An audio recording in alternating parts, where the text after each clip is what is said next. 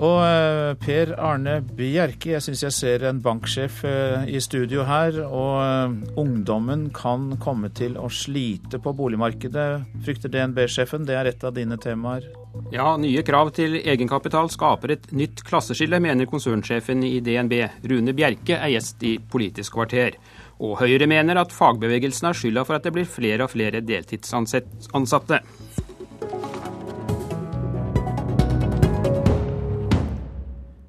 Velkommen i studio, konsernsjef i DNB, Rune Bjerke.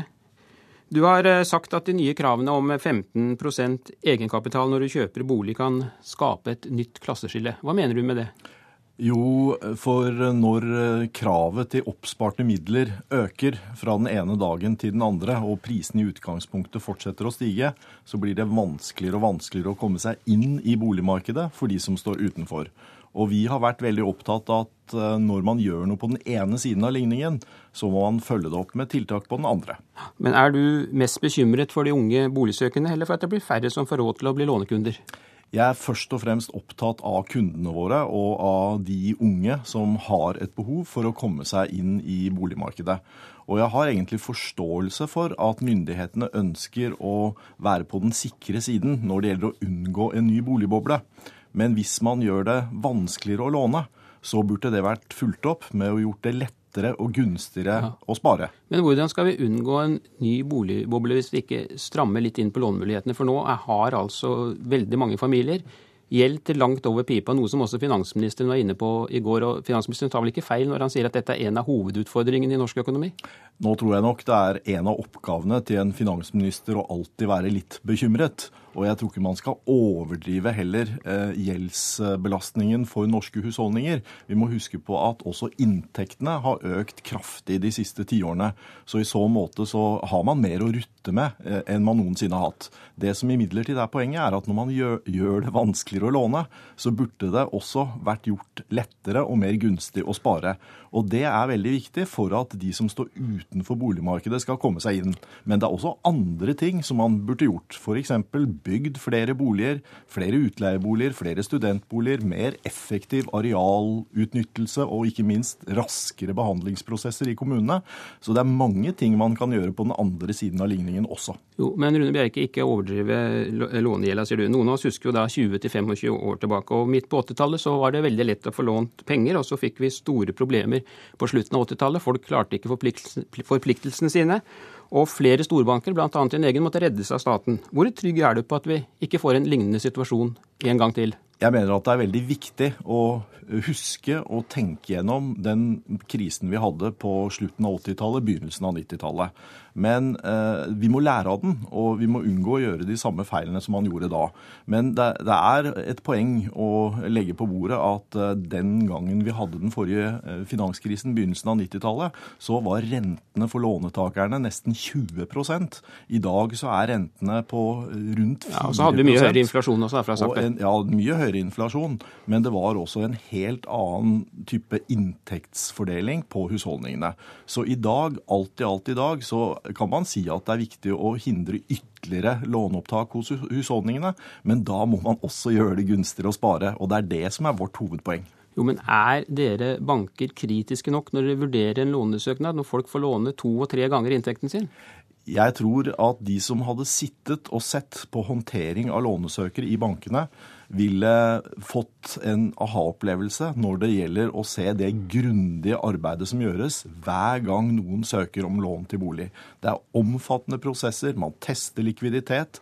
Man ser at de som låner, faktisk kan tåle en økning i rentenivå helt opp mot 9 selv om eh, det er veldig lite som tyder på at rentene kommer til å bli så høye.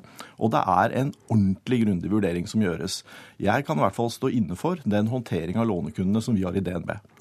Nå er Europa oppe i store problemer. Hvor trygge kan vi være på at Norge klarer å styre unna en ny finanskrise? Norge er i en unik situasjon. Vi er først og fremst avhengig av at verdensøkonomien utvikler seg positivt. Fordi så mye av vår eksport går til olje- og gassrelaterte varer og produkter. Og så lenge verdensøkonomien vokser med en 2-3-4% så er det godt nytt for Norge. Men vi er ikke uberørt av det som skjer i Europa. Og først og fremst så er det viktig for oss at Europa unngår en katastrofe. Det kommer til å bli eh, lav vekst, kanskje til og med negativ vekst, i mange europeiske land i årevis framover. Men det alene er ikke nok til å få verdensøkonomien til å krympe eller til å utvikle seg flatt. Så eh, europeiske politikere må først og fremst gjøre sitt ytterste for å hindre kollaps, og det ser det ut til at de er på god vei til å klare. Ja, hvor viktig er eh, den enigheten som kom denne uka? Da bare hadde 25 av 27 medlemland var det vel som ble enige om eh, strengere budsjettkontroll. Hvor viktig er det? Det er ett av mange eh, eksempler på, og ett av mange tiltak som peker på at Europa går i riktig retning. Men det kanskje viktigste tiltaket så langt for å få normalisert tilstanden i europeisk økonomi, var den enorme lånepakken som ble gitt av den europeiske sentralbanken på rundt 500 milliarder euro før jul til europeiske banker. Nå kommer det en ny pakke i februar, og det bidrar gradvis til å normalisere rentenivåer og normalisere flyten i økonomien. Så dette er ikke noe quick fix. Det er mange korsveier framover for Europa, men det går sakte, men sikkert i en riktig, riktigere og stabiliserende retning. Men likevel så var det heller ingen som helt forutså den forrige finanskrisen. Og hvor godt rustet er dere til å møte en eventuelt ny krise? Norske banker og DNB i særdeleshet er bånn solide. Vi har bygget opp eh, kapital, og vi har i dag en situasjon sammenlignet med det som var tilfellet før krisen i 2008, som er langt mer robust. Så eh, jeg tror at det er viktig å opprettholde denne soliditeten, endog styrke den. Men man må ikke gå for langt, for vi skal også fylle vår oppgave i samfunnet, som er å gi husholdninger og bedrifter lån.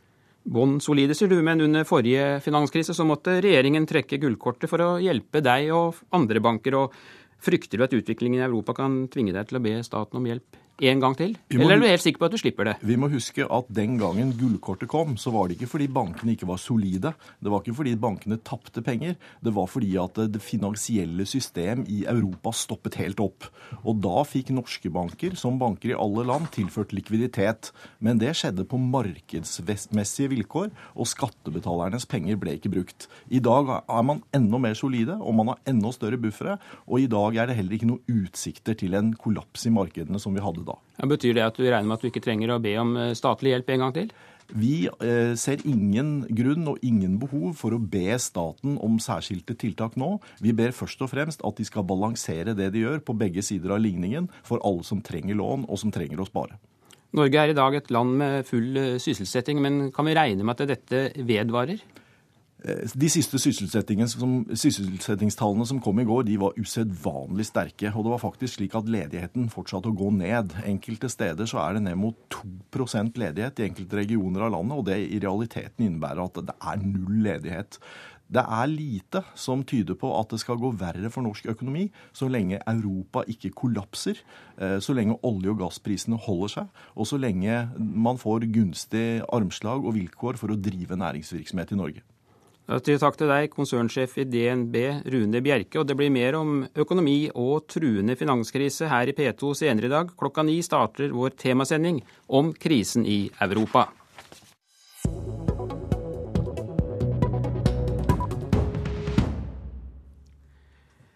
Flere kvinner jobber i dag deltid enn for ett år siden, slik vi har hørt i nyhetene i morges. Antall deltidsansatte øker, til tross for at både regjeringen og fagbevegelsen sier at det er et mål å få flere over på heltid. Arbeidspolitisk talsmann i Høyre, Torbjørn Røe Isaksen, hvilket ansvar har fagbevegelsen selv for at så mange jobber deltid? De har også et ansvar, selvfølgelig. Og Grunnen til det er at eh, det blir ikke flere heltidsstillinger av eh, festtaler. Eh, og De siste si, tiårene så har vi hørt veldig mange festtaler, men vi har egentlig ikke gjort så fryktelig mye for at flere skal få heltidsstillinger av de som i dag er på ufrivillig deltid.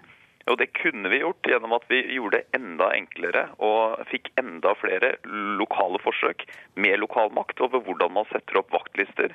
Litt mer fleksibilitet ville også gitt at det ble eh, gitt oss eh, flere heltidsstillinger alt i alt. Leder i Unio, Anders eh, Folkestad. Hadde deltidsproblemet vært løst dersom dere hadde vært litt mer fleksible når det gjelder å sette opp lokale vaktlister, turnusordninger og litt mer helgearbeid? Nei, jeg er redd at det er ikke der hovedproblemet ligger. Jeg er enig med Røe Isaksen i at det har vært mange festtaler rundt deltid, og spesielt ufrivillig deltid. Men i en del næringer, i en del virksomheter, så tror jeg det har rett og slett blitt en eh, deltidskultur. Det i seg sjøl er praktisk eh, og enkelt eh, for, for, arbeidsgiver. Og det kan være også ei, ei billig løsning å ha flere inne i, i, systemet. Så jeg tror at her handler det om å bryte kulturer. Og når vi, har, når vi f.eks. i kommunesektoren, så er det altså flere ansatte på deltid enn det er på heltid. Og dette viser jo i seg sjøl at det kan ikke være fagforeningene og turnusplaner i seg sjøl som, som, hindrer dette. Eh, Røe Isaksen, Er det mulig etter din vurdering å sette opp og få eh, kabalen til å gå opp uten deltidsansatte med de arbeidstidsbestemmelsene vi har i dag? Nei, ja, altså, det, det, er et vanskelig, vanskelig, spørsmål. Eh, I utgangspunktet så er det nok vanskelig. Men nå er arbeidsmiljøloven eh, mer fleksibel enn mange lokalpolitikere tror, f.eks. Og det er også mulighet til å søke om forsøk hvor man får unntak fra arbeidsmiljøloven. Så det kan være mulig. Men det som også gjør, kompliserer dette her ytterligere, det er jo at veldig mange av de som jobber deltid, gjør jo det frivillig. Eh, de gjør det fordi de ønsker det, særlig en del kvinner i pleie- og omsorgssektoren. Så Det gjør det også litt vanskeligere. Men jeg tror da at det handler om eh, grunnbemanning har noe å si. Altså hvor mye ressurser og hvor mye mennesker man har på en, eh, ja, f.eks. på et sykehjem. Men det å ha en fleksibel, litt mer fleksibel oppsett av turnus kan også gi flere heltidsstillinger. Og det ser vi også de stedene der man har forsøkt at det har fungert. Folkestad. Nå, nå har vi hørt mange dømmer på at uh, sysselsettinga øker og at norsk økonomi går godt. og Det viser jo at arbeidslivet er fleksibelt. Og eh, nå er det blitt flere deltidssysselsatte, som det da heter. Og det, det, er jo ikke bare negativt, eh, fordi at det betyr jo at arbeidsmarkedet trenger innsatsen fra, fra, folk, og for som så passer ikke det å ha heltid. Men det kan ikke hindre at eh, arbeidsplasser der det er mange som ønsker større stillinger, at arbeidsgiver må ta et større ansvar for det. Vi ser at Eh, en del sykehus har klart det bedre nå, men det er altfor mange som henger etter og eh, bryr seg tydeligvis for lite om dette her. Og bruker det argumentet som dessverre Røe Isaksen gjør også, at dette først og fremst handler om, eh, om lovverk og de tillitsvalgte sine holdninger. Men, men jeg, tror, jeg, tror, jeg, tror, vi er helt enige om at deltidskultur, altså det at man ansetter folk på deltid fordi man jeg holdt det på å si, nærmest ikke gidder å lage heltidsstillinger, det skal vi ha bort. Men jeg tror nok at, at både Unio og, og Høyre og, og, andre politiske partier må godta at det i seg selv vil ikke løse problemet med ufrivillig deltid. Og det er der jeg tror også vi er nødt til å begynne å ha en, en Diskusjonen er nødt til å være litt sånn Vi er nødt til å bare ta, ta, ta, ta høyde for hva som er virkeligheten der ute. Altså, da er det sånn at vi har i mange år nå forsøkt med nettopp disse tingene hvor vi sier at vi skal stimulere til flere heltidsstillinger. Vi skal, vi skal vi skal gjøre det sånn at vi fjerner liksom, kulturen for deltid og sånn, det fungerer ikke. Mens de stedene der man faktisk ser at flere som ønsket heltidsstillinger, har fått det, så har man gjort noe også med ja. fleksibiliteten og gjort hatt lokale forsøk med ja, er, er, ikke Røe Isaksen inne på noe helt vesentlig? Er at det er eh, flere arbeidsplasser der de ansatte kan tenke seg litt andre turnuser, men så sier altså fagforeningen nei, for at det blir for mye helgearbeid, det blir for mye ulempe. Det, skjer svært ofte. Det er altså flere avviksordninger enn folk er klar over. Eh, kanskje er det til og med for mange sommerplasser. Og det er litt påfallende at dette problemet først og fremst er i, på arbeidsplasser som er kvinnedominerte, mens eh, i mannsarbeidsplasser, der en også har turnus og skiftordninger, så flyter dette mye bedre. Annet fordi at der er det heltidsstillinger som dominerer, og det er selvsagt at det er det arbeidsgiver tilbyr. Rui Isaksen? Ja, det, det, det, er nok, det, er nok, det, er helt riktig. Eh, men her er det jo også en forskjell, fordi at eh, flere kvinner fortsatt ønsker også å jobbe frivillig deltid. Og det er klart at det i seg selv gjør jo også at eh, altså deltid avføder deltid. Så er det sagt. Men Jeg, jeg, tror vi kan godt gå sammen om å, å, stramme inn og si at vi skal slåss hardere mot ufrivillig deltid og avslutte kulturen for det. Men, men, det er en nøkkel her i arbeidstid. og Det har også de offentlige utvalgene som har blitt satt ned for å se på det. De sier også akkurat det. Skal man komme i mål, skal vi virkelig gjøre noe med dette her, så må vi også se på arbeidstiden. Og Høyres forslag er da litt mer lokal kontroll, litt mer lokal fleksibilitet, men selvfølgelig med trygge og anstendige rammer. Og der fikk, ja, der fikk du siste ordet, Røe Isaksen, for nå er Politisk kvarter takk, slutt. Takk til deg, og takk til Anders Folkestad. Jeg heter Per Arne Bjerke.